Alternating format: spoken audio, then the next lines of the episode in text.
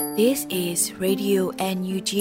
the voice of National Unity Government of Myanmar, broadcasting for Myanmar's Spring Revolution. Radio NUG is transmitting from shortwave 16 meter 17.79 megahertz at 8:30 a.m. and 25 meter 11.94 megahertz at 8:30 p.m. Myanmar Standard Time. မင်္ဂလာပါရှင်အမျိုးသားညီညွတ်ရေးအစိုးရရဲ့အတန်လွတ်ဌာနရေဒီယို NUG ကိုမန္တပိုင်း၈နိုင်ခွဲမှာလိုင်းတူ6မီတာ19.7ခွန်ကုန်းမဂါဟတ်စ်နဲ့ညပိုင်း၈နိုင်ခွဲမှာလိုင်းတူ25မီတာ17.6ကိုလီမဂါဟတ်စ်တို့မှာဓာတ်ရိုက်ဖမ်းယူနားဆင်နိုင်ပါပြီရှင်မင်္ဂလာအပေါင်းနဲ့ကြည့်ကြကြပါစို့အခုချိန်ကစပြီး Radio NUG စီစဉ်လေးကိုဓာတ်ရိုက်အတန်းနဲ့ပြင်နေပါပြီ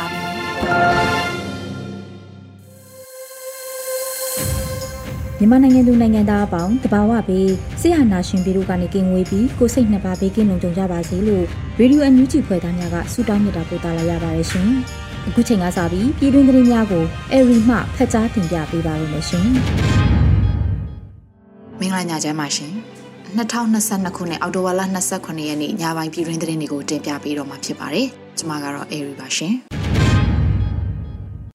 ပထမဆုံးသတင်းတစ်ပုဒ်အနေနဲ့အာနာရှင်ကိုအမြင့်ဖြတ်အဆုံးသက်ညီကုန်းချုပ်စေရင်သူတို့ရဲ့အစင်လာယုံကြည်ချက်တွေကိုပါဖျက်ဆီးပြရမယ်လို့ပြည်ထောင်စုဝန်ကြီးဦးတင်ထွန်းနိုင်ပြောကြားလိုက်တဲ့သတင်းကိုတင်ပြပေးပါမယ်။အောက်တိုဘာလ29ရက်နေ့မှာစီမံကိန်းဗန္ဒာရေးနဲ့ရင်းနှီးမြှုပ်နှံမှုဝန်ကြီးဌာနပြည်ထောင်စုဝန်ကြီးဦးတင်ထွန်းနိုင်ကလူမှုကွန်ရက်ကနေအခုလိုရေးသားပြောကြားလိုက်ပါတယ်။မင်းအောင်လှိုင်မှမဟုတ်ကမ္ဘာသမိုင်းမှာဖြစ်ထွန်းပေါ်ပေါက်ခဲ့တဲ့အာဏာရှင်တွေနဲ့နောက်ဖြစ်ထွန်းပေါ်ပေါက်လက်တန့်သောအာဏာရှင်တွေရဲ့အစင်လာသိစိတ်နဲ့တာရကတွေအရသူတို့စိတ်မှာခိုင်မာစွာဆွဲထင်ယုံကြည်ထားတဲ့အချက်တွေရှိတယ်။ အာနာရှင်ကိုအမြင့်ဖြတ်အဆုံးသက်ညီကုန်းချုပ်စေရင်သူတို့ရဲ့အစင်လာယုံကြည်ချက်ကိုရိုက်ချိုးဖျက်ဆီးမှရမယ်။ကျွန်တော်တို့ရဲ့စူးစီးညီညွတ်မှုဟာခဏတာမဟုတ်ဘဲထာဝရဆိုတာတက်တည်ပြုရမယ်လို့ဆိုပါတယ်။2021ခုနှစ်ဖေဖော်ဝါရီလ1ရက်နေ့ဆီယနာသိမ်းပြီးနောက်မှာအကြမ်းဖက်စစ်အုပ်စုဟာလူပေါင်း2000ကျော်ကိုတပ်ဖြတ်ထားပြီးလူပေါင်း1000ကျော်ကိုဖမ်းဆီးချုပ်နှောင်ထားတာလည်းဖြစ်ပါတယ်ရှင်။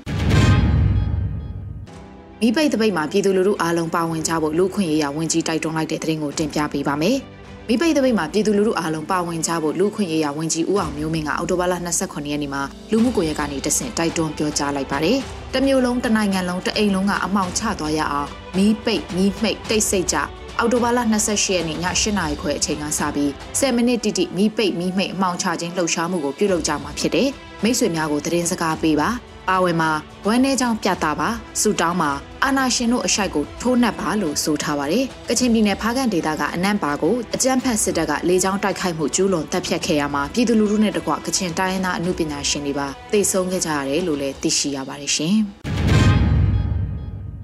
ဇလပီပြည်ထောင်စုလွှတ်တော်ကိုစားပြုကော်မတီနဲ့အမျိုးသားညီညွတ်ရေးအစိုးရဩစတြေးလျနိုင်ငံဆိုင်ရာကိုယ်စားလှယ်တို့ Universal Jurisdiction ကိစ္စအတွက်တွေ့ဆုံဆွေးနွေးခဲ့ကြတဲ့သတင်းကိုတင်ပြပေးပါောင်းမယ်။ တရားဥပဒေလွှတ်တော်ကိုစားပြုကော်မတီကတကမ္ဘာလုံးဆိုင်ရာတရားစီရင်ပိုင်ခွင့် Universal Jurisdiction ကိစ္စရပ်နဲ့ဆက်လင်းပြီးအမျိုးသားညီညွတ်ရေးအစိုးရ Australia နိုင်ငံဆိုင်ရာကိုယ်စားလှယ်ဒေါက်တာထွန်းအောင်ရွှေကိုဖိတ်ကြားပြီးအောက်တိုဘာလ26ရက်နေ့ညနေ3:00နာရီမှာ video conference ကနေတဆင့်တွေ့ဆုံဆွေးနွေးခဲ့ကြပါတယ်။တွေ့ဆုံပွဲမှာပြည်တော်စုလွှတ်တော်ကိုစားပြုကော်မတီအတွင်းရေးမှူးဦးထွန်းမြင့်ကအဖွင့်မှာစကားပြောကြားပြီးတဲ့နောက်မှာဒေါက်တာထွန်းအောင်ရွှေက တကမ္ဘာလုံးဆိုင်ရာတရားစီရင်ပိုင်ခွင့်နဲ့ဆက်လင်းပြီးဆောင်ရွက်ထားရှိမှုအခြေအနေတွေကိုရှင်းလင်းဆွေးနွေးရမှာအကြမ်းဖက်စစ်ကောင်စီကျူးလွန်ခဲ့တဲ့ပြစ်မှုဆိုင်ရာကိစ္စရပ်တွေကိုအချက်လက်ပြည့်စုံစွာသူတည်တနာပြုမှတ်တမ်းတင်စူးစီးထားရှိမှုနဲ့အတူလုပ်ငန်းနယ်ပယ်လိုက်ပူးပေါင်းဆောင်ရွက်မယ့်အစိုးရတွေလွှတ်တော်တွေအဖွဲ့အစည်းတွေလူပုဂ္ဂိုလ်တွေနဲ့ချိတ်ဆက်လှုပ်ဆောင်နေမှုလုပ်ငန်းစဉ်အကောင့်ထဲဖော်ဆောင်နိုင်မှုနဲ့ကြုံတွေ့လာနိုင်တဲ့အခက်အခဲတွေကိုရှင်းလင်းပြောကြားခဲ့ပါတယ်။ တွေ့ဆုံပွဲကိုပြည်ထောင်စုလွှတ်တော်ကိုစားပြုကော်မတီအတွင်းရေးမှူးဦးထွန်းမြင့်နဲ့အဖွဲ့ဝင်တွေရေးရကော်မတီများမှဥက္ကဋ္ဌတွေအတွင်းရေးမှူးတွေနဲ့အမျိုးသားညီညွတ်ရေးအစိုးရဩစတြေးလျနိုင်ငံဆိုင်ရာကိုယ်စားလှယ်ဒေါက်တာထွန်းအောင်ရွှေတို့တက်ရောက်ခဲ့ကြတယ်လို့သတင်းရရှိပါတယ်ရှင်စစ်တပ်ရဲ့ရက်ဆက်ကြမ်းကြုတ်မှုစဝိုင်းကိုရပ်တန့်ရမယ့်အချိန်ကိုကြာရောက်နေပြီလို့ကုလသမဂ္ဂမှတန်မတ်ကြီးဦးကျော်မိုးထွန်းပြောကြားလိုက်တဲ့သတင်းကိုတင်ပြပေးပါောင်းမယ်။ 89ကြိမ်မြောက်ကုလသမဂ္ဂအထွေထွေညီလာခံရဲ့တတိယကော်မတီမှာလူခွင့်ရေးကာကွယ်မြင့်တင်ရေးဘာသာရပ်အောက်မှာကျင်းပပြုလုပ်တဲ့မြန်မာနိုင်ငံလူခွင့်ရေးဆိုင်ရာအထူးစီရင်ခန်းစာတင်သွင်းသူနဲ့အပြန်အလှန်ဆွေးနွေးမှုအစီအစဉ်မှာတန်မတ်ကြီးဦးကျော်မိုးထွန်းကအခုလိုပြောကြားလိုက်တာပါစစ်တပ်အား၎င်းတို့မှနိုင်ငံတကာဥပဒေများကိုချိုးဖောက်လျက်ကျူးလွန်ထားသည့်ရာဇဝတ်မှုများအတွက်ဒဏ်ခတ်မခံရသည့်အစဉ်အလာကိုဆက်လက်အကျိုးခံစားခွင့်ရရှိနိုင်တော့မည်မဟုတ်ကြောင်းကိုသက်သေပြရမည်ဖြစ်ကြောင်းထို့အတွက် ICC တရားစီရင်ဆုံးဖြတ်ချက်ကိုမြန်မာနိုင်ငံအနေဖြင့်လိုက်နာမည်ဟု အမျိုးသားညီညွတ်ရေးအစိုးရက ICC သို့တရားဝင်အကြောင်းကြားထားပြီးဖြစ်ကြောင်းအလားတူပင်မိမိတို့အနေဖြင့် IIMM နဲ့ Universal Jurisdiction တို့ကိုအသုံးချ၍တာဝန်ခံမှုရှိစေရေးအတွက်ကြိုးပမ်းနေသည့်ရန်ရာများတွင်အပြည့်အဝပူးပေါင်းဆောင်ရွက်သွားမည်ဖြစ်ကြောင်းယခုအချိန်သည်စစ်တပ်၏ရဲစက်ကြမ်းကြုတ်မှုဆက်ဝိုင်းကိုရပ်တန့်ရမည့်အချိန်သို့ကြာရောက်နေပြီဖြစ်ကြောင်းတန်အမတ်ကြီးကဆိုခဲ့ပါတယ်။89ကြိမ်မြောက်ကုလသမဂ္ဂအထွေထွေညီလာခံတတိယကော်မတီမှလူ့အခွင့်အရေးမြင့်တင်ကာကွယ်ရေးဘာသာရဲ့အောက်မှာမြန်မာနိုင်ငံလူ့အခွင့်အရေးဆိုင်ရာအထူးအစည်းအဝေးခန်းစာကိုတင်သွင်းသူကတော့ Mr. Thomas Andrew ဖြစ်ပါတယ်ရှင်။ဆက်လက်ပြီးပြည်ထရေးနဲ့လူဝင်မှုကြီးကြပ်ရေးဝန်ကြီးဌာနနဲ့စကိုင်းတိုင်းနဲ့မကွေးတိုင်းတွေကမြို့နယ်ပြည်သူ့အုပ်ချုပ်ရေးအဖွဲ့တွေတွေ့ဆုံဆွေးနွေးခဲ့တဲ့သတင်းကိုလည်းတင်ပြပေးပါဦးမယ်။ အမျိုးသားညီညွတ်ရေးအစိုးရပြည်ထရေးနဲ့လူဝမှုကြီးကြပ်ရေးဝန်ကြီးဌာနနဲ့စကိုင်းတိုင်းနဲ့မကွေးတိုင်းတွင်ကမြို့နယ်ပြည်သူ့အုပ်ချုပ်ရေးအဖွဲ့တွေအော်တိုဘာလ26ရက်နေ့မနက်10:00နာရီမှာတွေ့ဆုံဆွေးနွေးခဲ့ကြပါတယ်။အစည်းအဝေးမှာပြည်သူ့အုပ်ချုပ်ရေးဦးစီးဌာနရဲ့တာဝန်ရှိသူတဦးက KI ပြည်သူ့အုပ်ချုပ်ရေးလက်ဆွဲမူဝါဒတွေနဲ့ပတ်သက်ပြီးရှင်းလင်းပြောကြားခဲ့ပြီးတက်ရောက်လာတဲ့ပါအဖအဖွဲ့ဝင်တွေကမြေပြင်အုပ်ချုပ်ရေးဆောင်ရွက်နေမှုအခြေအနေတွေကြုံတွေ့နေရတဲ့အခက်အခဲတွေနဲ့လိုအပ်ချက်တွေစတာတွေကိုရှင်းလင်းတင်ပြပြီးမူဝါဒပိုင်းဆိုင်ရာသိရှိလိုတာများကိုမေးမြန်းခဲ့ကြပါတယ်။ အဲဒီနောက်မှာတော့ပြည်ထောင်စုနဲ့လူဝဲမှုကြီးကြပ်ရေးဝန်ကြီးဌာနတွဲဘက်အမြဲတမ်းအတွင်းဝင်ကအကြမ်းဖက်စစ်ကောင်စီရဲ့အလုံးစုံရက်ဆက်ရုံမာလာမှုအပေါ်ပုံမူပြီးကြံ့ကြံ့ခံ၍လုပ်ငန်းတွေကိုလုံခြုံရေးသတိအတိနဲ့ဆောင်ရွက်သွားရန်ဖြစ်ပါကြောင်း ပြည်သူ့အုပ်ချုပ်ရေးလုပ်ငန်းတွေဆောင်ရွက်ရမှာပါအဖပကဖပလဖတွေကပေါင်းဆက်ညှိနှိုင်းဆောင်ရွက်မှသာလုပ်ငန်းတွေတိုးတက်ဆောင်ရွက်နိုင်မှာဖြစ်ပါကြောင်းပြောကြားခဲ့ပါတယ်။အစည်းအဝေးကိုတွဲဘက်အမြဲတမ်းအတွင်းဝင်ပြည်သူ့အုပ်ချုပ်ရေးဦးစီးဌာနပြည်သူ့ရဲတပ်ဖွဲ့မိသက်ဦးစီးဌာနလူဝင်မှုကြီးကြပ်ရေးဦးစီးဌာနအထူးစုံစမ်းစစ်ဆေးရေးဦးစီးဌာနနဲ့စကိုင်းတိုင်းနဲ့မကွေးတိုင်းအတွင်းကပြည်သူ့အုပ်ချုပ်ရေးအဖွဲ့ဝင်တွေတက်ရောက်ခဲ့ကြတယ်လို့သတင်းရရှိပါတယ်ရှင်။အခုတခါ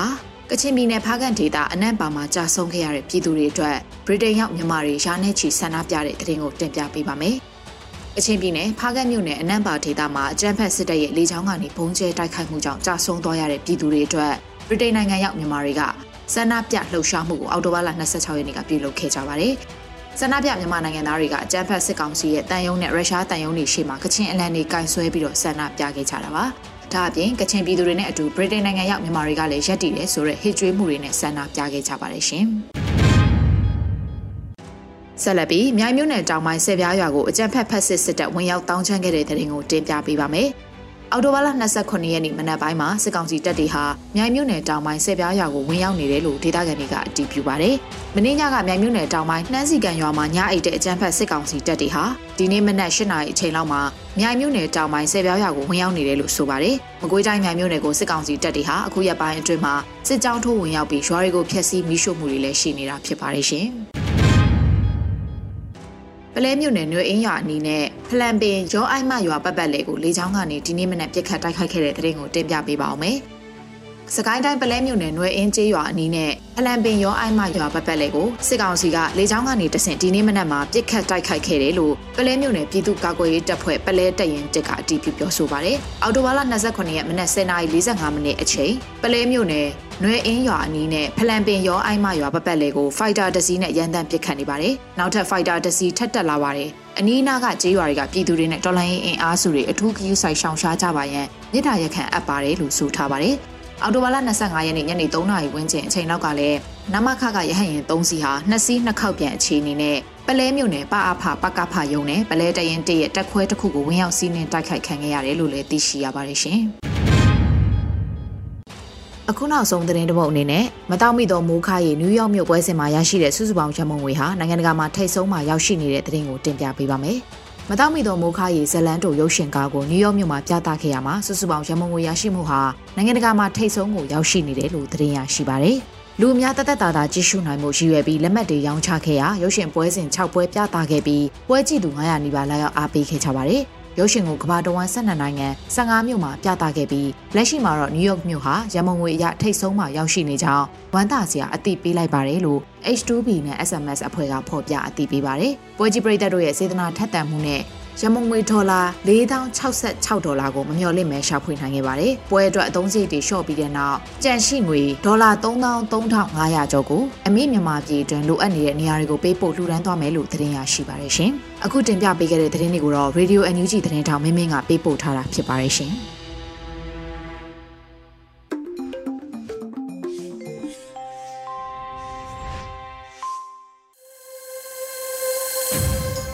ရေဒီယိုအန်ယူဂျီပရိသတ်တွေအတွက်ကူးဆက်လက်ပြီးထုတ်လွှင့်ပေးမယ့်စီစဉ်ကတော့ကာကွယ်ရေးဝန်ကြီးဌာနပြည်ထောင်စုဝန်ကြီးဦးရီမွန်ရဲ့ PDF ရဲဘော်များတို့ပြောကြားချက်အပိုင်း6ကိုနားဆင်ကြရတော့မှာဖြစ်ပါတယ်ရှင်။ရဲဘော်တို့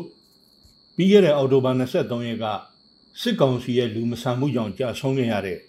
ကချင်ပြည်နယ်အနံ့ပါအာဇာနည်များတရင်ကိုကြားသိချိန်မှာရဲဘော်တို့အားလုံးယူယုံမရဖြစ်ကြရလိမ့်မယ်။အနံ့ပါဟာ စစ်စခန်းတစ်ခုမဟုတ်စီရေးပြစ်မှာမဟုတ်လမ်းသွားလမ်းလာတွေခကြီးတစ်ထောင်နားကြတဲ့ဈေးဆိုင်တန်းဂျားစခန်းတစ်ခုဖြစ်တယ်ဆိုတာစစ်ကောင်စီတည်တည်နဲ့အခုလိုအကြမ်းဖက်တိုက်ခိုက်တယ်ဆိုတာကစစ်ရာဇဝမှုကိုပြောင်ကြကြကျူးလွန်လိုက်တာပဲဖြစ်တယ်။ဒီပြစ်မှုအတွက်စစ်ကောင်းဆောင်တွေသာမက ကိုယ်တိုင်ဘုံကျဲတပ်ဖြတ်ခဲ့တဲ့လက်မယွန့်လူသားသမားတွေပါတာဝန်ခံရမှာဖြစ်တယ်။စစ်ကောင်စီကျူးလွန်တဲ့ စစ်ရာဇဝမှုတွေအကြောင်းပြောရင်မိကိုမဆုံးမိုးမဆုံးရှိလိမ့်မယ်။ຫນွေဦးပြည်သူဒေါ်လာရေးသည်ပင်စစ်အုပ်စုရဲ့လူမဆန်မှုဆိုးရုံမှုတွေကြောင့်ပေါ်ပေါက်လာခဲ့တာပဲဖြစ်တယ်။ဒီလူမဆန်မှုဆိုးရုံမှုတွေခြုံငင်းစေဖို့ဒီကနေ့ပြည်သူဒေါ်လာရေးကိုဆင်နွှဲနေကြတာလည်းဖြစ်တယ်။အနံပါဖြစ်ရကတော့ຫນွေဦးပြည်သူဒေါ်လာရေးတမိုင်းမှာဝမ်းနဲ့ကြေကွဲပေါ်ရာမှတ်တမ်းဝင်ခဲ့ပြီ။အနံပါကိုတတိယတိုင်း ငါတို့ရဲ့တော်လန်ရေးတန်ဋိဌာန်ကိုပိုးပြီးခိုင်မာစေရမှာဖြစ်တယ်။အခုချိန်မှာရဲဘော်တို့အရေးတကြီးသတိပြုရမှာကရန်သူရဲ့လေချောင်းစီးနှင်းတိုက်ခိုက်မှုကိုပဲဖြစ်တယ်။မြေပြင်မှာတော်လိုင်းအင်အားကိုမရှင်နိုင်တော့ပဲအရေးနှိမ့်လာတာနဲ့အမျှစစ်ကောင်စီဟာသူ့ရဲ့စီရေးထွက်ပေါက်အဖြစ်လေချောင်းကိုပိုပြီးအားပြုလာတာတွေ့ရတယ်။ရှေ့မှာလဲအရက်ဖက်စစ်ဖက်မရွေး လေချောင်းကြမ်းဖက်မှုကိုတိုးပြီးကျူးလွန်လာဖို့ရှိတဲ့အတွက်ရဲဘော်တို့အားလုံးတတိတမန်ညံမြေကြုတ်ဆိုသလိုကိုယ့်ရဲ့တော်လန်ရေးတတိတော်လန်ရေးဉာဏ်ပညာကို အမြင့်ဆုံးတက်လန့်ထားဖို့လိုအပ်မယ်။ဒီကြောင့်ဟာအနှောက်အယှက်အဖြစ်ဆွမ်းအားကြီးတာမှန်ပေမဲ့စီရေးအဆုံးဖြတ်ပြုတ်နိုင်တဲ့ရန်နေရာမဟုတ်ဘူးလို့ငါတို့နားလေတယ်။ငါတို့တော်လန်ရေးဟာညံနဲ့ရှင်တဲ့တော်လန်ရေးဖြစ်တယ်။ ငါတို့ညံရှိရင်ရှိသလိုရန်သူလေချောင်းကိုဟန်တားနိုင်မဲ့နီလန်းတွေငါတို့ရှာဖွေနိုင်လိမ့်မယ်။လေချောင်းကာကွယ်ရေးလက်နက် Manbat အသုံးပြုတယ်ဆိုတာနီလန်းတစ်ခုပဲဖြစ်တယ်။ဒီလက်နက်ကတကဘာလုံးအတိုင်းအတာနဲ့ကြက်မှတ်ထားတာဖြစ်တဲ့အတွက်ပစ္စည်းရဖို့အချိန်ယူကြိုးစားရတယ်လို့အလုံးလောက်ဖြန့်ကျက်တက်ဆင်နိုင်ဖို့ဆိုတာလေအကန့်အသတ်ရှိတယ်။ဒါကြောင့်ငါတို့ညံသုံးပြီး ရန်သူလေချောင်းဟန်တားနိုင်မဲ့နီလန်းသစ်တွေရှာရလိမ့်မယ်။နီးပြူဝါပိုင်းဆိုင်ရာလိုအပ်တဲ့အပြောင်းလဲနဲ့အသင့်အနေထားပြင်ဆင်မှုတွေဆောင်ရွက်ကြဖို့လိုအပ်မှာဖြစ်တယ်။မြေပြင်မှာစစ်ကောင်စီတပ်စိတ်အားလူအားယော်ပါနေပြီဆိုတာတက်သေးခံတဲ့အချက်တကူကအကြမ်းဖက်စစ်သားတွေမူရဆေးဆွဲနေတဲ့ကိစ္စပဲစစ်တုံးမန်းတွေလက်ရဖမ်းမိတဲ့အချိန်တိုင်းသူတို့ကိုယ်မှာဆေးပြားတွေဆောင်ထားတာတွေ့ရသလို သူတို့ကိုယ်တိုင်လည်းဆေးသုံးပြီးမှရှည်တန်းထွက်ရတော့တယ်ဆိုတာဝန်ခံရတယ်။အောက်ခြေစစ်သားတွေဒါမကစစ်ကြောမှုတွေအရာရှိတွေအပါအဝင်အများစုဆေးသုံးရတယ်ဆိုတဲ့တက်သေးတွေအထောက်ထားတွေငါတို့ရရှိထားတယ်။ဆေးဆွဲနေတဲ့စစ်တပ်တစ်ခုအနေနဲ့လူမဆန်တဲ့ရာဇဝတ်မှုတွေကျူးလွန်တယ်ဆိုတာတကယ်တော့မဆမ်းဘူး။ရဲဘော်တို့အနေနဲ့တတိဝရိယပူရှိကြပါ အကျံဘက်စစ်တပ်ရဲ့အန္တရာယ်ကကိုပြည်သူကိုအစွမ်းကုန်ကာကွယ်စောင့်ရှောက်ကြပါလို့တိုက်တွန်းလို့လေပြည်သူဒေါ်လာရေးမုတ်ချအောင်ရမည်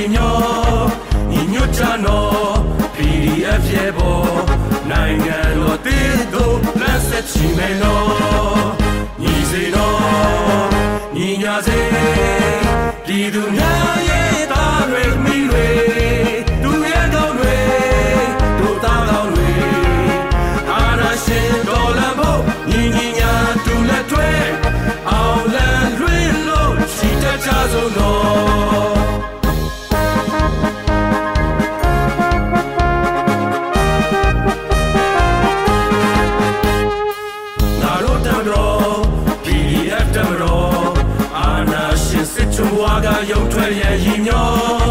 ညီညွတ်ကြတော့ညီနောင်မျိုးဆက်တွေနိုင်ငံတော်တည်တည်ဆောက်ဖို့တမိုင်းပေးတာဝန်တော်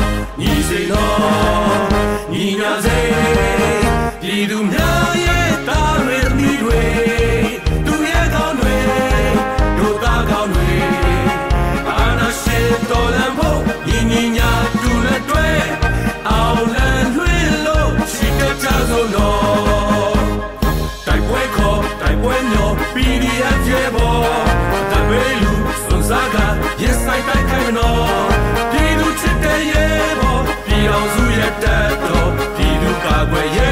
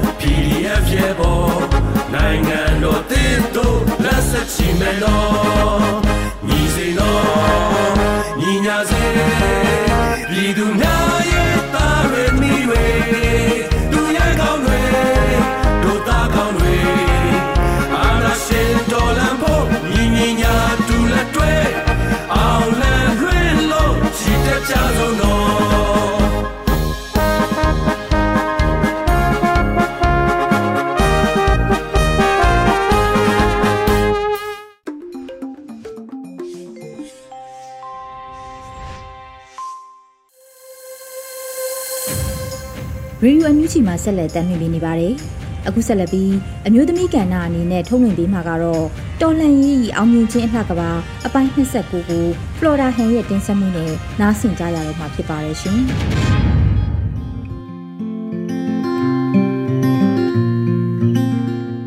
အားလုံးပဲမင်္ဂလာပါရှင်ယခုတစ်ပတ်မျိုးသမီးများကဏ္ဍမှာကျမတို့အမျိုးသမီးတွေအခက်အခဲများစွာနဲ့ရင်ဆိုင်ရချိန် ကျမတို့လက်တွေ့ဘဝတွေကိုဘယ်လိုပူးပေါင်းဆောင်ရွက်ကြမယ်ဆိုတာလေးကိုအများပြည်သူများသိရှိနိုင်မှုမျှဝေပေးချင်ပါတယ်မျိုးသမီးကဏ္ဍလို့ပြောတော့ဘယ်လိုအကြောင်းအရာအခက်အခဲပဲဖြစ်ပါစေကျမတို့အမျိုးသမီးတူကြီးကိုအားကိုးမိကြတာအမှန်ပါပဲကျမတို့အနေနဲ့အမျိုးသမီးတူကိုကိုစားပြုရဲဆိုတာယနေ့အချိန်ဖြစ်ပျက်များမှ မြမစစ်တပ်ရဲ့မျိုးသမီးများပေါ်လိမ်မိုင်းဆိုင်ရာအကြမ်းဖက်မှုမတရားသဖြင့်နိုင်တဲ့စီးနှင်းပြုမှုဆက်ဆံမှုထောင်သွင်းကျင်းချခြင်းအပြစ်မရှိသည့်အမျိုးသမီးများကို မတရားသဖြင့်တပ်ဖြတ်ခြင်းဒါအပြင်ယနေ့အချိန်ပြည်သူထဲမှအမျိုးသမီးများနီးတူတော်လန်ရေးမှာပါဝင်နေသူ အမျိုးသမီးများအားနိုင်ထက်စီးနှင်းဆက်ဆံပြုမှုခြင်း ဒီအကြောင်းအရာများဟာကျမတို့အမျိုးသမီးတူနဲ့အမျိုးသမီးကဏ္ဍမှာအထူးအရေးပါတဲ့အချက်တွေဆိုတာအမျိုးသမီးတိုင်းသိနေဖို့လိုအပ်ပါတယ်။အခုလိုလိုအပ်ချက်များကို အကောင့်ထဲဖော်နိုင်ဖို့လူသားတိုင်းပူးပေါင်းဆောင်ရွက်ကြရမှာလည်းဖြစ်ပါတယ်။ကျမတို့တိုင်းပြည်ရဲ့လက်ရှိအနေအထားကလည်းပြည်သူအာဏာကိုရယူထားသည့် ဆိုးကျိုးအကျိုးဆက်များကြောင့်အဆဆရရမတီမငိမ်ကစင်ကလျာဖြစ်နေရတဲ့အခြေအနေပါကျမအတွက်တော့အခုလိုအခြေအနေမျိုးမှာမိမိတို့တကိုယ်ဒီကောင်းစားဖို့အတွက်အနေမပြတ်အစားမပြတ်နေကြသူ အမျိုးသမီးတူများကိုလည်းမုတိတာပွားဖို့ဆိုတာမဖြစ်နိုင်သည့်အနေထားလို့ဆိုရင်ရပါတယ်လူတိုင်းမှာအခက်ခဲဆိုတာနေရာအချိန်တိုင်းမှာရှိနေကြပါတယ် ဒီအတွက်ကျမတို့ဟာလူသားတယောက်ဖြစ်သည့်အတွက်လဲနေသူကိုလည်းမထူပဲမနေနိုင်တယ်လို့ရေငတ်နေသူကိုလည်းရေတိုက်ခွင့်ရနိုင်မှုစ조사ခဲ့ခြင်းတွေလည်းရှိနေစေလို့ပြောရင်ရပါတယ်ဒီနေ့ဒီအချိန်မှာတော့လူသားတိုင်းရရှိမဲ့ထားရမယ့်ကိုချင်းစာတရားကိုထားနိုင်ဖို့အခွင့်အရေးရရှိပါလျက်ရက်ွယ်ပြုသူများကြောင့်လည်း ကျမတို့မျိုးသမီးတူကြီးမှာလူအခွင့်အရေးမျိုးသမီးများရဲ့အခွင့်အရေးများဆုံးရှုံးနေရတာဖြစ်ပါတယ်။ဒါကြောင့်မို့ကျမတို့မျိုးသမီးတူကအခုလိုတော်လန်ရေးကာလကိုရင်ဆိုင်ကြော်ဖြတ်နိုင်ဖို့ အမျိုးသမီးအများစုမှာပညာရေးကဏ္ဍပဲဖြစ်ဖြစ်ကျန်းမာရေးကဏ္ဍပဲဖြစ်ဖြစ်နေထိုင်စားသောက်မှုအတတ်ပညာများဖြစ်သည့်အသက်မွေးဝမ်းကြောင်းတတ်ပညာကိုပါအစုအဖွဲ့လိုက်နေရာဒေသလိုက်ကူညီဆောင်ရွက်မှုတွေအများကြီးရှိနေပါပြီ။ဒါ့ပြင်မိမိတို့တက်သည့်ပညာများကို နိုင်ငံတကာအဆင့်ထိမြမမျိုးသမီးကဏ္ဍရဲ့စမ်းဆောင်ရည်ကြိုးပမ်းမှုများကိုသိရှိနိုင်ဖို့လဲကြိုးပမ်းဆောင်ရွက် နေကြပါတယ်။ပြီးခဲ့တဲ့အောက်တိုဘာလ20ရက်နေ့ကကျင်းပတဲ့ကုလသမဂ္ဂလုံခြုံရေးကောင်စီမှာ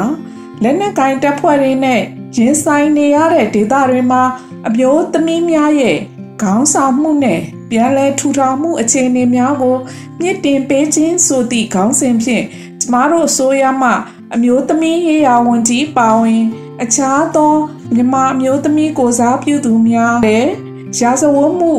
ချိုးဖောက်ခံရသူ အမျိုးသမီးများအတွက်အခန်းကဏ္ဍအသီးသီးလိုက်ပါဝင်ဆွေးနွေးခဲ့ကြပါတယ်။ဒါ့အပြင်မျိုးသမီးများအတွက်ရာဇဝတ်မှုမြောက်သည့်အမှုများအတွက်နိုင်ငံတကာစုံစမ်းစစ်ဆေးရေးဆောင်ရွက်ပေးနိုင်ဖို့သာမကအကူအညီများလိုအပ်နေသည်ကိုပါထည့်သွင်းဆွေးနွေးကူညီတောင်းခဲ့ကြပါတယ်။ အခုလိုကဏ္ဍတွေကိုဆက်လက်ကောင်းထဲပေါ်ဖို့ဆိုတာကျမတို့မျိုးသမီးတူကြီးကလည်းလိုအပ်ချက်ဟူသမျှကို တွေးဝေးမနေကြပဲရှေ့ဆက်ရမယ့်ခရီးအတွက်အားအင်တစ်ခုဖြစ်သည့်အတွက်ကြောင့်အမျိုးသမီးတိုင်းပူးပေါင်းပါဝင်ခြင်းဖြင့်အမျိုးသမီးရဲ့ကဏ္ဍကိုမြင့်တင်ကြရမှာဖြစ်ပါတယ်ဒါမှသာကျမတို့မျိုးသမီးတူကြီးအတွက်လူသားတိုင်းရရှိရမယ့်လူခွင့်ရေးတာမကပဲရာဇဝတ်မှုမြောက်သည့် မျိုးသမီးများရဲ့အခွင့်အရေးကိုပါပြည့်ပြည့်ဝဝခံစားကြရမှာဖြစ်ပါတယ်။ဒီအတွက်ကျမတို့မျိုးသမီးတူကြီးကမိမိတို့ပါဝင်နိုင်သည့်အခန်းကဏ္ဍလိုက်တက်သည့်ပညာများကို အသုံးချခြင်းဖြင့်ဒေါ်လာရေး၏အောင်မြင်မှုအလှကဘာမှာပူပေါင်းပါဝင်ခြင်းဖြင့်ကျမတို့လိုအပ်နေတဲ့ပန်းနိုင်ကိုရှေ့ဆက်ချီတက်ကြပါစို့လို့တိုက်တွန်းနှိုးဆော်လိုက်ရပါတယ်ရှင်။ အားလုံးကိုကျေးဇူးတင်ပါတယ်ရှင်။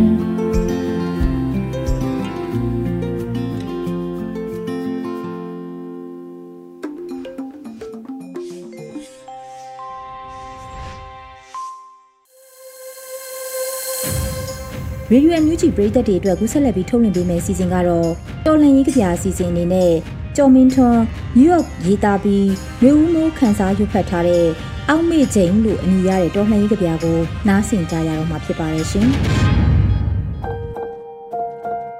အောက်မေ့ချိန်ပြေးပြေးလွှားလွှားမင်းထွက်သွားတော့မင်းထားခဲ့သူတွေနေတာပမလားဒီစစ်ကြီးနဲ့ဒီခစ်ကြီးမှာမင်းချစ်စနီးရောနေတာရဲ့လားမင်းချန်ခဲ့တဲ့အမြောက်ဆန်တဲ့မင်းအမေက တစ္ဆာပန်းတွေထိုးတစ္ဆာလေးပါမြက်ဖျားရှိယိုယိုကျွတ်ကျွတ်ထန့်ရှိခိုးလို့မင်းကြံခဲ့တဲ့ကြည်စံတောက်နဲ့မင်းရဲ့သမီးကနှကန်းဆေးဆိုးဖို့နှကန်းနီတောက်လှုပ်နေလေရဲ့မင်းထားခဲ့တဲ့ကြီကာဝတ်ပြီးငါးနှစ်သားမင်းရဲ့သားကြီးကကြဲကြဲလောင်လောင်ငှက်ကြီးတွေရွာပေါ်ပြန်ဝဲလာတိုင်းဘုံခုကျင်းနေပြပြစင်းရ သူကလေရင်ပြန်ကုန်မမြင်ဘူးတော့လေငါတို့မှာနန်းစရာဆိုလို့တောလန်းနှစ်ဘေးကတောပန်းလေးတွေပဲရှိတာကြဲကြွေညများဇာပနတန်ကြားမှတေချင်းတရားကိုအောက်မိတယ်ဒီခက်ကြီးနဲ့ဒီစစ်ကြီးမှာကျော်မင်းထွန်းနယူးယောက်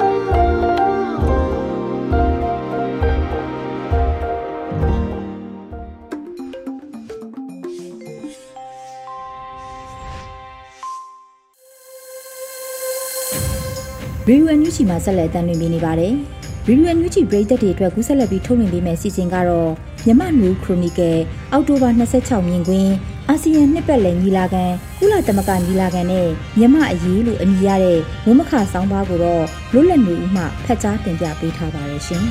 ။အာဆီယံနှစ်ပတ်လည်ညီလာခံကုလသမဂ္ဂညီလာခံနဲ့မြမအရေးလာမယ့်နိုဝင်ဘာလအတွင်းမှာကျင်းပမယ်အာဆီယံနှစ်ပတ်လည်အစည်းအဝေးမတိုင်ခင် အာဆီယံနိုင်ငံခေါင်းဆောင်တွေမြမအရေးဆွေးနွေးကြဖို့အစည်းအဝေးကအခုရက်ပိုင်းမှာကျင်းပဖို့ရှိနေပါတယ်။ဆီယနာသိမ့်ပြီးတဲ့အချိန်ကစလို့အခုချိန်ထိအာဆီယံဥက္ကဋ္ဌနှစ်နိုင်ငံအလှည့်ကျဖြစ်ပြီးမကြာခင်တတိယမြောက်နိုင်ငံဖြစ်တဲ့အင်ဒိုနီးရှားကတာဝန်ယူရမှာဖြစ်ပါတယ်။မြမအရေးကနှစ်နှစ်နီးပါးအချိန်ရောက်လာသလိုအာဆီယံအလှည့်ကျနှစ်နိုင်ငံပြောင်းထားပြီးဖြစ်ပါတယ်။ပထမလက်ကဘရူနိုင်းနိုင်ငံဖြစ်တယ်လို့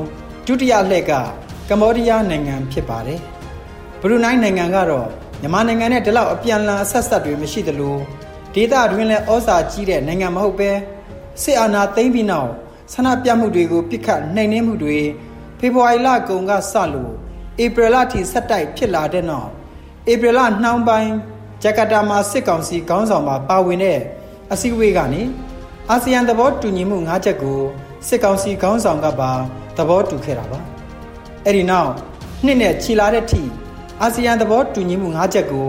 အကောင့်ထဲမဖော်နိုင်ပဲဖြစ်နေတာအခုအချိန်ထိဖြစ်ပါတယ်ကုလသမဂ္ဂအနေနဲ့လည်းမြမအရေးကိစ္စမှာလူသားချင်းစာနာမှုအကူအညီပိုင်းမှာသာအတိုင်းအတာတစ်ခုထိလှုပ်ဆောင်နိုင်ခဲ့ပြီးနိုင်ငံရေးပြဿနာလက်နက်ကိုင်ပဋိပက္ခတွေမှာဘာမှကြားဝင်ဆောင်ရွက်နိုင်တဲ့အနေအထားမရှိပါဘူးကုလသမဂ္ဂနဲ့အနောက်နိုင်ငံတရုတ်နိုင်ငံတွေက အာဆီယံမူအာဆီယံရဲ့ကြားဝင်ဆောင်ရွက်တာကိုပဲထောက်ခံထားကြပြီးတိကျစီကြားဝင်ဆောင်ရွက်တာမျိုးတွေမတွေ့ရသေးပါဘူးမြန်မာနိုင်ငံရဲ့ပြဿနာကကြားဝင်ဆောင်ရွက်တဲ့ညှိနှိုင်းစကားပြောတာကိုနှစ်ဖက်စလုံးကကြိုးဆိုကြတဲ့အနေအထားမဟုတ်ပဲအင်အားနဲ့ဖြည့်ရှင်းကြမယ်ရပ်တီချက်မျိုးရှိတာကြောင့်အခုလိုအာဆီယံသဘောတူညီမှု၅ချက်နဲ့အခြားသောကြားဝင်မှုမျိုးတွေကမအောင်မြင်နိုင်တာလည်းဖြစ်ပါတယ်မြန်မာနိုင်ငံရဲ့လက်နက်ကင်ပဋိပက္ခနဲ့ မြို့တွေမှာဖြစ်ပွားနေတဲ့လက်နက်ကိုင်တိုက်ခိုက်မှုတွေရဲ့ရည်မှန်းချက်ပန်းတိုင်ကတွေ့ဆုံဆွေးနွေးရေးမဟုတ်ဘဲအဆုံးတိုင်အောင်ပွဲရဖို့အနေထားမျိုးဖြစ်လို့ဘယ်လိုကြားဝင်ဆောင်ရွက်မှုမျိုးကမှအောင်မြင်နိုင်စရာမရှိဘူးလို့ပဲဆိုရမှာဖြစ်ပါတယ်။ဒီနေရာမှာစစ်ကောင်စီကိုစန့်ကျင်တိုက်ခိုက်နေကြတဲ့ UNG နဲ့တိုင်းရင်းသားလက်နက်ကိုင်အဖွဲ့ချုပ်ကိုနိုင်ငံတကာအစိုးရတွေကလက်နက်အကူအညီသို့မဟုတ်ငွေကြေးအကူအညီဘာကြောင့်မပေးတာလဲလို့မေးခွန်းထုတ်စရာရှိနေပြီး အဲ့ဒီမေးခွန်းရဲ့အများလက်ခံနိုင်တဲ့အဖြေမျိုးမရှိသေးဘူးလို့ပဲဆိုရမှာဖြစ်ပါတယ်။အမေရိကန်ပြည်ထောင်စုအနေနဲ့စစ်အာဏာသိမ်းပြီးကစားကလေးကမြမအရေးမှာစစ်ရေးအရာအရေးယူမှုမျိုးကိုမလုပ်ဘူးလို့ထုတ်ပြန်ထားပြီးဖြစ်လို့အဆိုပါမူဝါဒကအခုချိန်ထိပြောင်းလဲမဲ့အရေးအယောင်မမြင်ရသေးပါဘူး။ယူကရိန်းနဲ့မြန်မာပြည်ရေးကိုနှိုင်းယှဉ်ကြည့်ရမှာစစ်အာဏာရှင်ဖြစ်တဲ့မြန်မာနဲ့ရုရှားတို့ကအာဏာရှင်ကောင်းဆောင်တွေရဲ့ရက်စက်မှု အယက်သားတွေကိုငဲ့ညာခြင်းမရှိဘဲပြစ်ခတ်တာတပ်ဖြတ်တာစစ်ရာဇဝမှုကျူးလွန်တာတွေတူညီပေမဲ့ယူကရိန်းရဲ့ပထဝီနိုင်ငံရေးအရအရေးပါမှုနိုင်ငံတနိုင်ငံကအခြားနိုင်ငံကိုကျူးကျော်မှုတို့လိုမျိုးမှာမြမအရေးနဲ့မတူညီတဲ့တဘာဝဖြစ်နေပါတယ်။ခြုံပြောရရင်တော့မြမအရေးဟာမြမပြည်တွင်းကအင်အားစုတွေအနေနဲ့မိမိတို့ရဲ့အင်အားနဲ့မိမိတို့ရဲ့မဟာဗျူဟာကိုသာအတိအကတွက်ချက်ပြီးဆုံးဖြတ်တိုက်ပွဲဝင်ရမယ့်သဘောကို ကောင်းစွာနားလေသဘောပေါက်ကြဖို့လိုအပ်ပါတယ်မြန်မာစစ်ကောင်းဆောင်တွေကိုဆန့်ကျင်ကြတဲ့အန်ယူဂျီလိုအဖွဲ့အစည်းလူအခွင့်အရေးလှုပ်ရှားသူနဲ့အရက်ဖက်ဖွဲ့စည်းတွေကိုဥဆောင်ကြသူတွေကိုနိုင်ငံရေးအရာထောက်ခံတာလူသားချင်းစာနာမှုအကူအညီမျိုးပေးတာကလွဲရင်စစ်ရေးအကူအညီမျိုးတွေမျှော်လင့်နေခြင်းကလွဲမှားတဲ့မျှော်လင့်ချက်တွေဖြစ်ပြီးတော်လန်ရေးကိုအထောက်အကူမဖြစ်စေတဲ့အပြင်စိတ်အားတက်လိုက်ကြလိုက်ဖြစ်စေုံသာရှိမဲ့အရေးကို အားလုံးနားလေသဘောပေါက်ဖို့အချိန်တန်ခဲ့ပြီဖြစ်ပါတယ်ခင်ဗျာ